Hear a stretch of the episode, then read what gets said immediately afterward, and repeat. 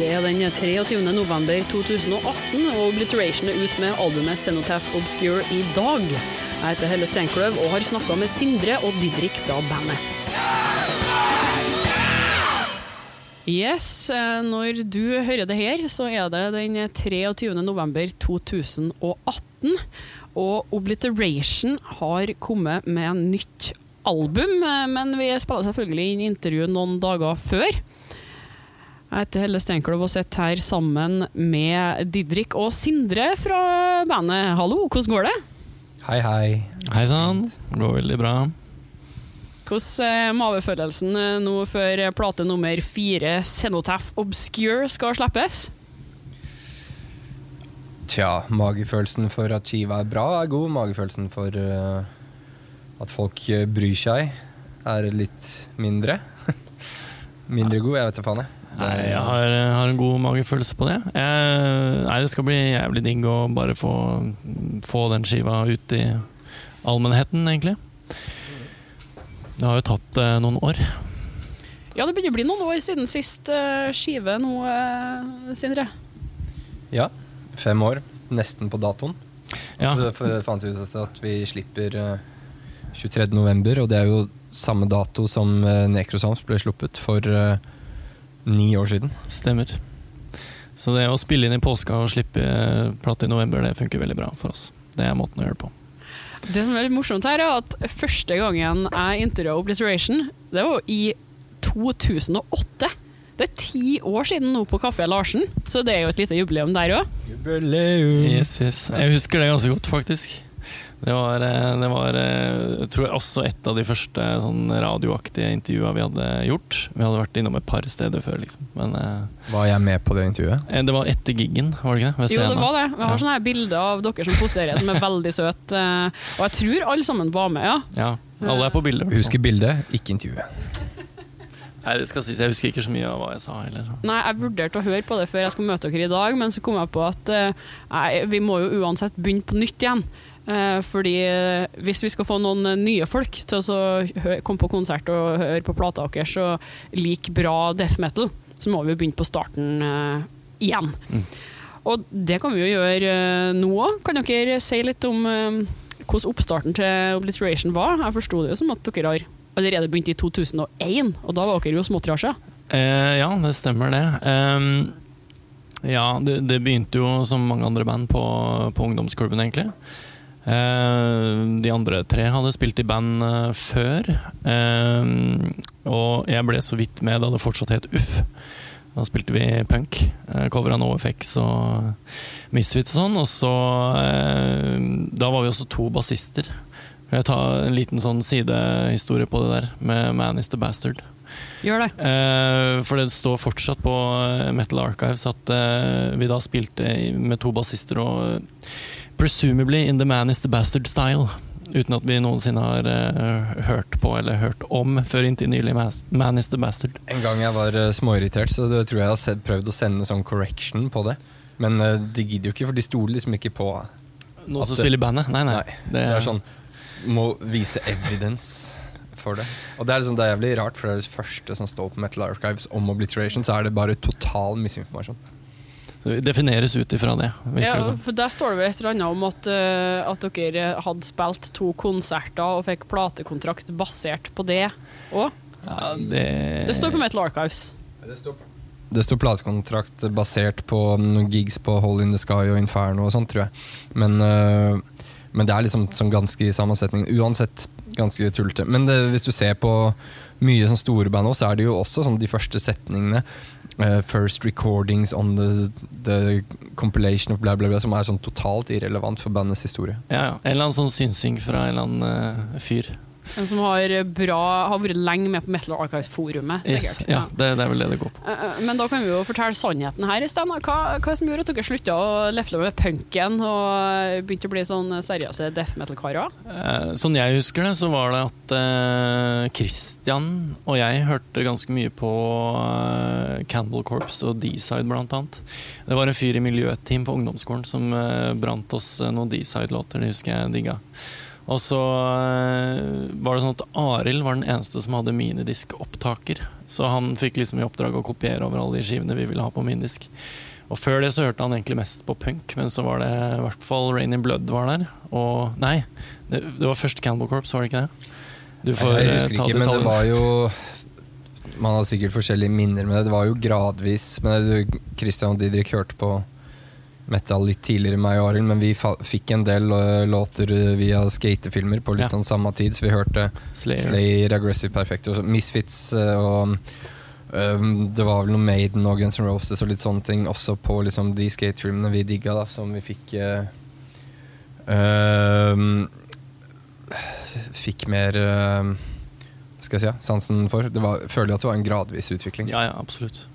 Så eh, Nei, jeg vet ikke. Det, starta med at vi begynte å covre noen Slayer-låter og litt andre ting på øving, og så fant vi ut at det var mye fetere å spille det. Mye mer utfordrende. Det var litt mer enn tre-fire grep, liksom. Så gikk det derfra. Tror du at det hadde noe å si at det fra før av er ganske mye band som eh, oppsto og hadde tilholdssted i Oppegård Kolbotn?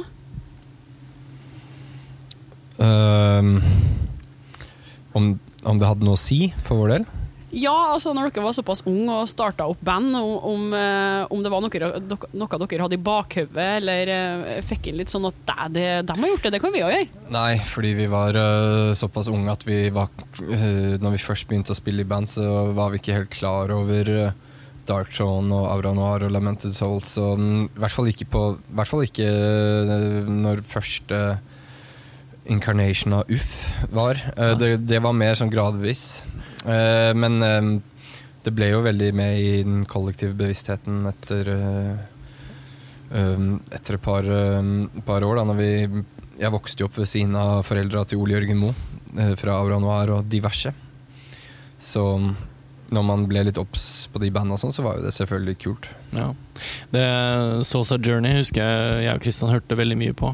Men jeg, ja, vi tenkte vel litt over at de var fra samme sted, men så mm, var det også sånn, sånn som jeg nevnte i stad, altså de folka som jobba f.eks. på miljøteam, da, eller eh, ungdomsklubben, eller hva det var. De var jo veldig klar over det. Og kunne liksom eh, Jeg tror vi fikk et par tips fra de òg, om band og, og den greia der. Men eh, Nei, jeg veit ikke. Det Nei, jeg har ikke noe å si utover det, egentlig. Man trenger ikke alltid å si så mye om det. Eller. Soundet til uh, de banda som er Kolbotn-basert, eller de medlemmene som uh, har vokst opp på Kolbotn, har jo vært veldig viktig for oss Ja, utover. Som de har hatt en veldig um, klar visjon for, hva, for hva ekstremmetall, eller hva liksom musikken skulle være. Det skal være organisk, det skal være en viss stemning og en viss um, attitude for Ja. musikken. Og det har vært veldig viktig for vår musikalske utvikling. Det har vært viktig, og så har jeg også tenkt litt på at um, uh, Det er liksom, og det er sikkert skrevet flere steder, men at eh, Kolbotn det er sånn sted som er sånn akkurat passe langt unna byen. Så når du vokser opp, så er du sånn litt inne i byen og kjøper skiver og sånn, men så er du også kan du veldig enkelt komme deg ut i skauen. Og det er en sånn tror det er en ganske bra kombo, egentlig. Fordi du, du får liksom impulser fra ja, det som skjer i bylivet, og så har du fortsatt tid til å liksom fordøye det og sette ditt eget preg på det. Da. Så jeg tror kanskje det er litt av greia òg. Det er sånn geografisk ganske bra plassert.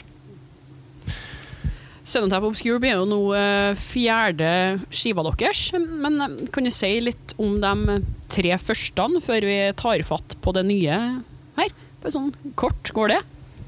Den første er dårlig, den andre er ganske kul, og tredje har litt mer særpreg. Er du enig, Didrik? Jeg sier meg helt enig. Hva er det som gjør den, eh, den første dårlig, da? Det er nok eh, ganske mange tilfeldigheter. De samme tilfeldighetene som gjør litt sånn, sånn uh, uvørne skiver av litt grønne band kule, så hadde vi det litt motsatt, tror jeg. Um, Lot oss fordi- påvirke litt for mye, kanskje? Eller? Eh, ja, vi ehm, hadde jo gjort en EP eller syvtommer før som var mye mer oss, som var liksom råere og styggere. Og når, når vi kom eh, Ble sendt i liksom to uker i studio, eller jeg husker ikke hvor lenge det var. I hvert fall over en uke. Ja, uke til, I proffstudio med Lars Klokkerhaug, som hadde liksom spilt inn eh, alle Spellemannsnominerte skivene de siste åra når det gjaldt metal. Um, og hadde masse utstyr, og sånn som man ble litt sånn preget av det, da. Kanskje. Jeg veit ikke. Vi, vi visste ikke helt hva vi ville, eller hvordan vi skulle dreie studioopplevelsen eh, heller. Og jeg tror ikke Lars Klokkerev var eh, Ikke et vondt ord om han, han var veldig flink. Og, mm, men jeg tror ikke han helt visste hvor vi ville, og vi klarte ikke å vise det helt selv. Um, så, så den ble Og så syns jeg ikke skiva er Den er litt eh, overreaching sånn teknisk. Ja, ja, ja helt klart. Eh, Bare, ja. De kuleste partiene er ofte det som er det simpleste, villeste rett frem-partiene der, mens de tinga som skal være litt mer tekniske, eller ha litt sånn odd-takt, det, det funker ikke helt. Ved andre band så kan det funke ganske bra, men det er sånn derre eh, Det er ikke sjarmerende uteit, kanskje. Det er bare mer sånn oi, de vil prøve å spille så fort de kan. Eh, feeling på parting, i hvert fall, kjenner jeg, da. Men eh, ja. Syns jeg vokalen eh, ikke mm, ble så bra heller, men det er, det er jo selvfølgelig en mm, ting som er i utvikling over lang tid. Som vi var jo unge.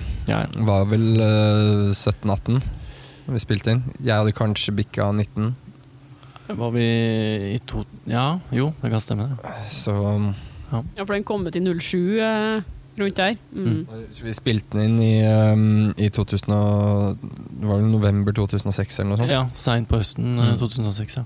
Stemmer. November-desember. Mm. Hva var det dere gjorde rett på Nekrosalms eh, da? Den kom jo bare ut to år senere, i 2009.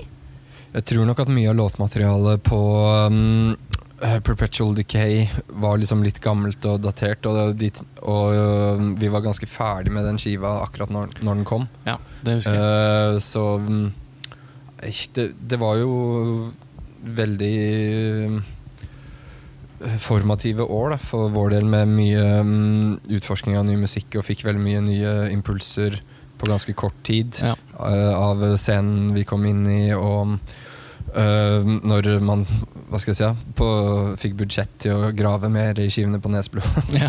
Um, og så videre. Og så ble man jo litt eldre um, også, så da um, tror jeg vi fant mer vår greie ganske fort. Da. Ja, jeg tror, jeg tror det handla også mye om det at vi, som du sa Vi begynte liksom å høre på ganske mye mer variert musikk enn vi hadde gjort fram til vi spilte inn uh, Perpetual Decay. Og så eh, tillot man uh, seg å bli inspirert av det litt mer òg. Man ble kanskje litt sånn tryggere musikalsk og kunne liksom spille noe som for to år siden liksom ikke var helt lov. At man Ja, kunne spille tørre å ta litt sjanser og få litt som litt uh, X-faktor og gjøre litt uh, ting um, som føles eget uten En ting er jo å gjøre um, ting sært for å være sært, men Mm. vi har aldri liksom gjort det. Egentlig vært ganske imot det, men så har heller litt sånn særegenhet kjent uh, naturlig, da. Mm. Kanskje. Noe med det å ikke være så skråsikker kanskje som man er som 16-17-åring. At det eneste som er bra, det er akkurat den eh, death metalen her, og ikke Mm. noe annet. Absolutt. Vi var nok ganske sånn rundt Nekrosans-perioden også, men uh, Ja, jeg syns det var i ferd med å endre seg ganske mye fram til den, uh, mellom de to skivene. Kanskje, men det var uh, Man var hypp på å gjøre eh, en mer variert greie. Litt begynte vel å snuse på tanken at det er liksom atmosfæren som er viktigst, og litt sånne ting. Ja. Ja, og som du sa i stad, det må ikke være teknisk for å være fett, liksom. Det, det kommer kanskje Det blir litt mer gjeldende. Eller det må ikke være primitivt for å være fett heller. Nei, ikke sant. Det må ikke være noe som helst, bare så, så lenge det er fett. Nei, det lurer jeg på om det var et intervju jeg leste med dere der jeg så det at den eh, dyrkinga av såkalt old school eh, kan gå eh, litt over styr òg, den veien at en blir så opptatt av å ha det enkelt og rent og på en viss måte at uh, sjøl det blir kjedelig. Ja, det kan jo veldig fort bli kjedelig, for mm, ting må ha sjel, og det må mm, føles genuint. Og, mm, og, og igjen, liksom Å lage noe simpelt som ikke er gjort før, er jo en genistrek. Liksom, Battery var genialt i mm, ordets rette form, liksom, på samme måte som Beatles var genialt. Men å bare gjenta det igjen og igjen, det funker jo ikke. Um, tenker jeg. Og, Ja. og hvis man blir for opphengt i liksom, retrobølgene og gjøre alt likt og Det blir jo bare et nytt sett med regler øh, som øh, bokser deg inn.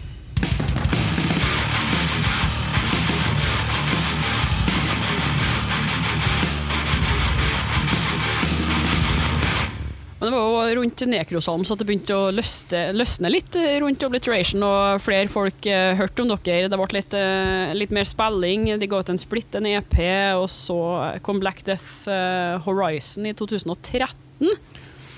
Og den plata fikk jo litt eh, oppmerksomhet av eh, folk utafor eh, den kjernen av et metal-miljø, i og med at den ble nominert til Spellemann, f.eks.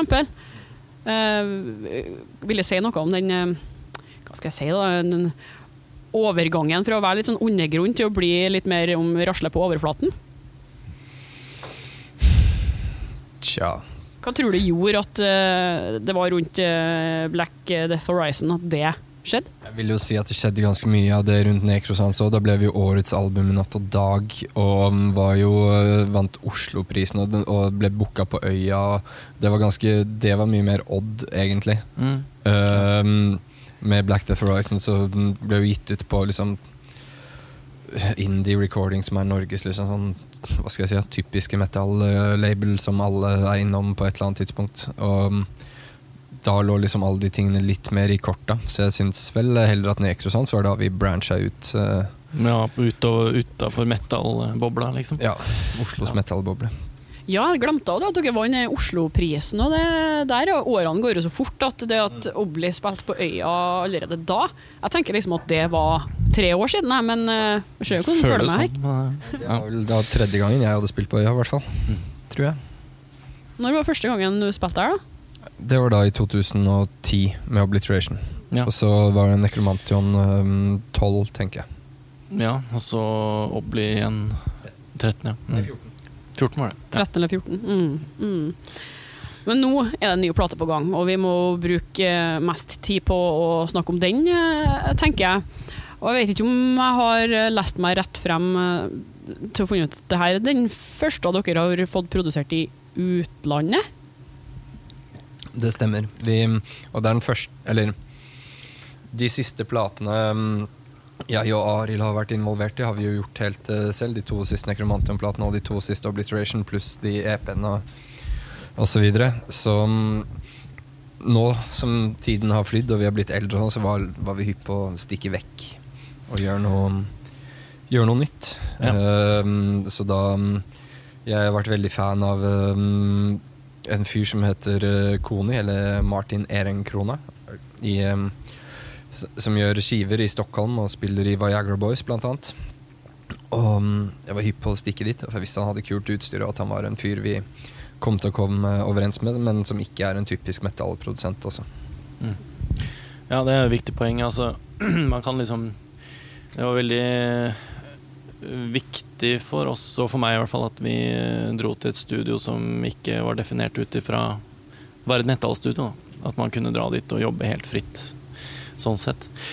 Så var det noe med det å eh, kunne få fullt fokus da, i eh, et liv som er liksom Alle har masse ting de driver med, og masse prosjekter. Så det å kunne reise bort i ti dager og, og fokusere fullt igjen, det tror jeg var veldig bra for den eh, skiva der. Hvordan forberedte dere før de for dit? da? De hadde alt skrevet, klappet og klart og innøvd, eller? Nei, eh, det var jo en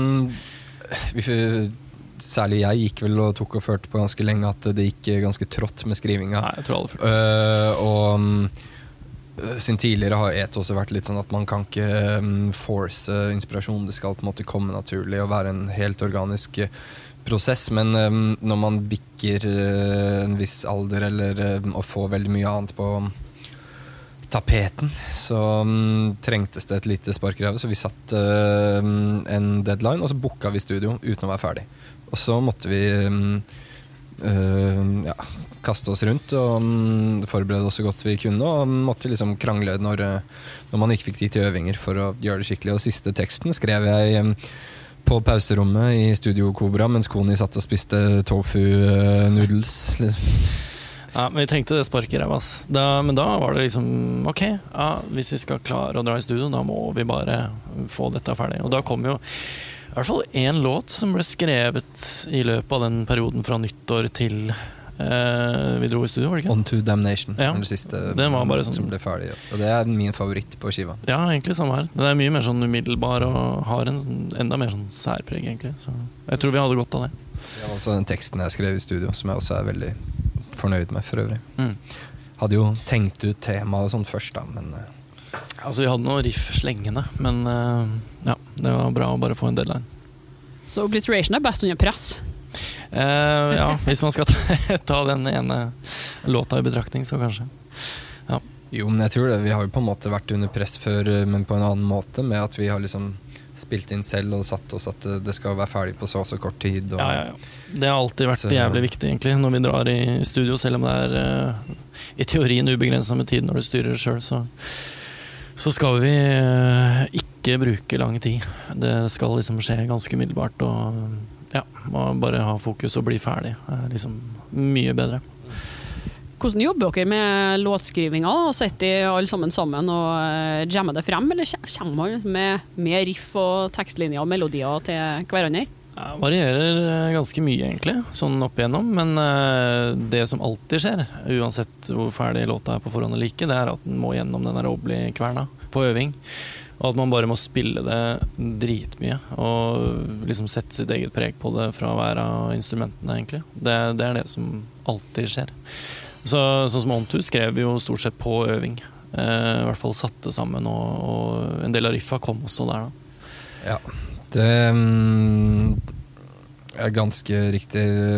Vi har vel gått litt fra at uh, Arild skrev ganske mye og satte sammen Ja. veldig mye, forberedte mye um, på forhånd, til at um, Rundt Enkrosound så gjorde han det. ja, skrev mye på og på de, Men på de to siste skivene så har veldig mye skjedd uh, sammen, og alle har bidratt med riff eller partier eller ideer. Og, så det har vært en mer sånn flytende prosess alle er um, involvert i. Da. Det er liksom bare det obliteration mind-streamen som uh, man må tappe inn i. Mm. Så. Hva med det tekstlige, da? Hvordan, eh, hvem er det som skriver der, og hva handler det om? Det ser ut som Sindre er mannen bak her. Ja, det er jeg og Christian har alltid delt tekstene 50-50. Um, og tekstene er innom ganske mye um, rart. Uh, hovedsakelig sånn veldig dystopiske temaer. Og um, Et tegn.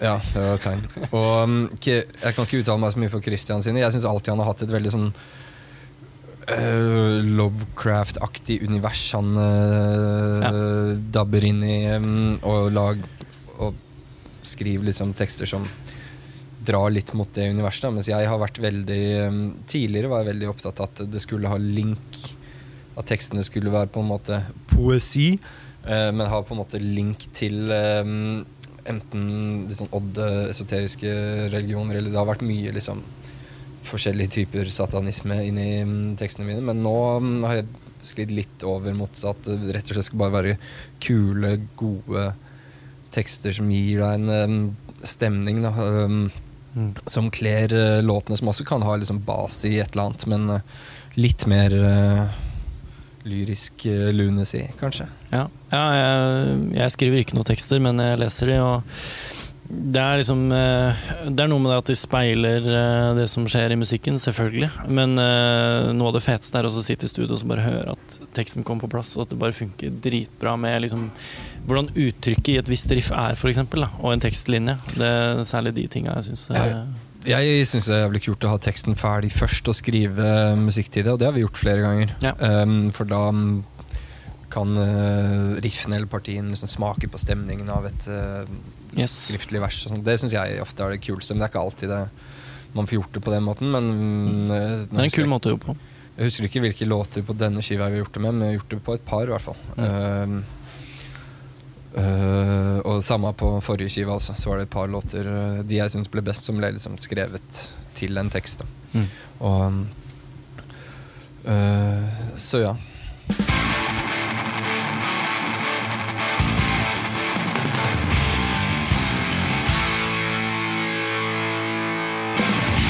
For dem som eh, laster ned og hører på den podkasten her med en gang den kommer, eh, nå fredag 23. november, så er det jo i dag uh, Cenotaph Obscure slippes.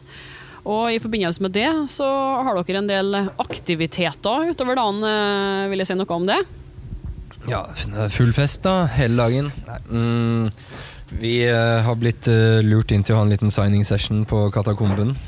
Så det mm, blir det sikkert hyggelig. Katakomene er en av mm, de feteste metallplatebutikkene jeg veit om, så er det veldig hyggelig å gjøre noe for de og med de, selv om jeg syns sånne settinger er litt kleint. Får får vel ærlig lov til å si det. Si sider og solbriller, var det ikke Ja. det vi fant ut? Sider og solbriller skal Det det være. Eh, men eh, også etter det så skal vi ha release party, eh, eller release-konsert på mm, Kniven Revolver. Og mm, ha med oss uh, Stab Wound Empire, som er eh, Sindre Foss Kankes eh, et av Sindre Foss Kankes noise eh, alter egoer. Og mm, et helt ferskt band som heter Sovereign. Og oss, da. Det eh, kommer til å bli helt knall, men for dem som ikke bor i eh, Oslo, så er det jo eh, gjort eh, eh, Gjort opp en liten turné òg nå i desember, eller begynner allerede i november, kanskje? Nei, begynner i desember. Vi skal spille en, en europaturné med Aura Noir. eh, og så blir det et par eh, konserter til um, på nyåret.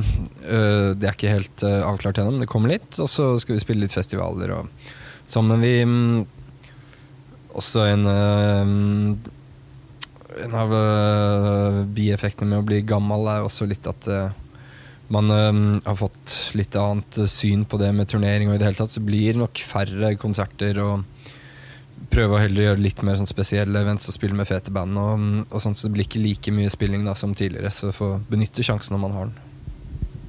Det er festivalene som er de nye konsertturneene eh, nå, ikke Ja, kommer an på festivalen. Ja. Eh, Både, ja. både og. Mm. Det må liksom være en eh, fet rød tråd. Da. Det kan være en veldig kul one-off eh, liten konsert òg, hvis Mm. eh, de riktige bandene er der og ja, i det hele tatt. Mm. Absolutt. Så vi får se. Vi prøver å få til litt, men eh, det må stemme. Og med det så kommer vi jo ikke um, kan jeg, vi kommer vi jo ikke unna altså det at vi må ha noen useriøse historier òg fra Obliterations i karriere. og En del sånne kan jo kanskje være groen til at man ikke orker å turnere så mye mer ofte. Um, har de noe, enten noe Spinal Tap-aktig eller noen sånn sjuke fanopplevelser, eller eh, en kjempemerkelig konsert de husker, eller um, bare rett og slett noen fadeser, kanskje, eller noe spesielt artig som har skjedd. Altså, det, det trenger ikke å være noen som har dritt seg ut for at det skal være en bra historie. Ja, det har du jo mm, vært eh, en del av. Jeg syns ofte det, når vi har spilt i USA, så har det skjedd ganske mye morsomt. Så to av gutta fra det gamle obskure bandet Dr. Shrinker, som vi har covra, kjørte jo i syv timer til St. Louis for å se oss live en søndag. Og det var ganske artig. Uh, Apropos sånne rare greier. Dave Grave i gymsalen på Tårnåsen barneskole. det, det er en god greie. Vi spilte på Tårnåsenfestivalen for mange år siden, og så var Dave Grave fra Repulsion i Norge og jobba på Tines melkemaskin. Eh, og så hadde vi møtt ham på Club Maiden eh, eh, fordi Pete Evil hadde sett ham på gata og dratt han med, dratt han med dit. Og så hadde mm, Så var han hypp på å se mm, Se oss, da, og Nekro. Liksom. Han så vel Blood Tsunami et eller annet sted og sånn. Og var hypp på å få med seg mm, litt ting. Og da covra vi Black Breath av Repulsion, og så spilte vi feil. Mens han var der på et alkoholfritt uh, arrangement uh, på Kolbotn. Krom på verket. Ja. Det, det var topp. Ellers så Nei Det skjer liksom mye rart når man er ute og spiller. Det er ikke alltid det er så jævlig gode historier. Jeg tenker, tenker meg om. Hadde en jævlig bra kveld i Polen på turné med Degial når eh, det var eh, bare masse um, NSBM-folk i crowden og, um, som kjøpte sykt mye merch, og det var litt sånn pinlig, nesten. Så røyk Kristoffer Bråten, som var stand-in for Didrik, en streng under settet, så vi måtte kutte et par låter. Og så klikka de, og knuste flasker på scenen, og det var helt bananas. Og så ble vi med han eh, kunstneren uh, Siggy, som har lagd alle um, Ghost-coverne og sånn, ut på byen etterpå for Lemon Vodka Shots. Og det endte med at Degial havna i slåsskamp med en lokal pimp. Etter x antall Lemon Vodka Shots i Krakow. Det var gøy. Kanskje den beste, det. For Polen er gøy. egentlig. Gleder meg til jeg skal tilbake til Polen om et par uker og spille. Ja. Polen er gøy. Det er eh, dagens visdomsord. Så Polen er det beste landet for obliteration å spille i, høres det nesten ut som. De fleste bruker å ha Tyskland høyt på lista der, altså, men eh, Oi, der kom det et, eh, en grimase fra Sindre når jeg nå sa Tyskland. Tyskland har aldri funka så bra for, for vår del. Helt, helt ok gigs. Liksom ikke noe um, Tyskland er eh, litt sånn som Norge. Det er et veldig metta marked, og de er veldig bortskjemte. Uh, det er stygt å si, på å si, men sånn, sånn er det jo i Norge òg. De, det er ikke så fett å spille der. Liksom. Uh, med mindre det er noen sånn helt eh, unike festivaler eller et eller annet. Folk er litt slapp, rett og slett. Litt som å, litt som å spille i Norge. Sånne torsdagsgig i Oslo, liksom. Dere taket sammen. Og så hører jeg her at eh, folk kjører i sju timer for å se en eh, helt spesifikk konsert, og her uh, gidder ikke å feire hvis det tar mer enn ti minutter å gå fra inngangsdøra. Men altså En ting er at vi, vi sitter og snakker om det, men eh, ja, kan jo være litt slapp sjøl òg, da. Hva, hva må til for å få dere ut eh, døra en eh, fredagskveld? Bortsett fra jobb, eh, for deg som jobber i bar, eh, Sindre. Tja, jeg føler jeg går på ganske mye gigs. Ja, du Eh, drar på mye mer enn meg. Så um, prøver å dra på alt øh, livet tillater, men selvfølgelig bra Man drar ikke bare ut hvis det um, Hvis det er bare sånn band man interesserer seg sånn halvveis for. Men uh, jeg um, Jeg tror ikke noen bestrider at uh, Kommer til å Eller har veldig godt uh, bevis for at jeg øhm, ikke går og Faen, nå bare surrer jeg. Jeg tror ikke det kan bestrides at eh, jeg ikke eh, supporter konserter. For jeg føler jeg går på ganske mye. Eller prøver i hvert fall, da, så godt jeg kan. Må feire på det man liker, i det minste. Men eh, det er jo ikke noe vits å feire på absolutt alt bare for å feire heller. Mm. Eh, kan vi, vi må snart begynne å avrunde, eh, for eh, folk kan sitte og høre på podkast hele dagen hvis de skal komme seg på signering på Katakomben klokka fem. Og Stemmer. Og deretter på konsert i kveld. Jeg vet ikke når det åpner på Revolver. jeg. Klokken åtte. Så første band er i nitida. Det er det sonisk vonde universet til Sindre Foss Kanke, og så tar vi det derfra. Perfekt start på kvelden. Men vi er nødt til å ha ei lita spilleliste folk òg. Særlig det som er kjedelig med podkast, er jo at eh, det koster en formue å ha musikk der, så det betyr at vi ikke kan ha det. Men ei Spotify-spilleliste og ei tekstlig liste med låter, det må vi få til til folk som hører på. Har du noen eh, anbefalinger til folk der ute nå som eh, burde ha stått på party, jogge eller tristhetslista deres? Må det være Spotify? Nei da, eh, jeg legger ut ei tekstlig liste i tillegg, så for dere som ikke har lagt merke til det ennå, så eh, er det vedlagt spillelister på alle av Jernverket sine podkaster. Både Spotify og tekst, siden ikke alt naturligvis ligger på Spotify. Folk har jo obskur smak her. Tja, da vil jeg eh, tipse om nye Mare-skiva um, Ebony Tower, One Tail-skiva Worlds Open World Collide. Begge Void Eater, eller alle tre Void Eater-skivene som er kommet nå. Um, Sepulcher-skiva. Sepulcher-skiva er um, veldig bra. Hva var det jeg tenkte på? Jeg har hørt en del på nye Fauskoven-skiva, liker den veldig godt. Og um, uh, Cultist as Ghouls, Sinister, uh, liker jeg veldig, veldig godt. Mm. Ja. Didrik, da? Nei, Når man er fyllesyk på lørdag, da, så kan man høre på uh, nye Amgala Temple-skiva. Invisible Airships. Den uh, sjekka ut nå nylig. Den anbefaler Høres ut som noe jeg skal høre på på søndagen nå. Yes. Men da eh, må jeg takke dere for eh, tida deres, da. Og så satse på fullt hus i kveld og utsolgte eh, platehyller og alt som er. Takk, takk. Takk for det, Len. Du har hørt et intervju med Obliteration her på Jernverket podkast. Spillelista deres ligger på jernverket.com. Neste uke får du treffe Aura Noir. De skal på turné i desember, og jeg tok en prat med dem tidligere i år. Jo, det var jo apropos kniv og sånt. Vi spilte i Colombia for et par år siden, og det var en som ble knivstukket på første rad. Midt i konserten. Det var ganske festlig, da. Men eh, Abonner på Jernverket podkast via podkastapp, eller gå inn på jernverket.kom.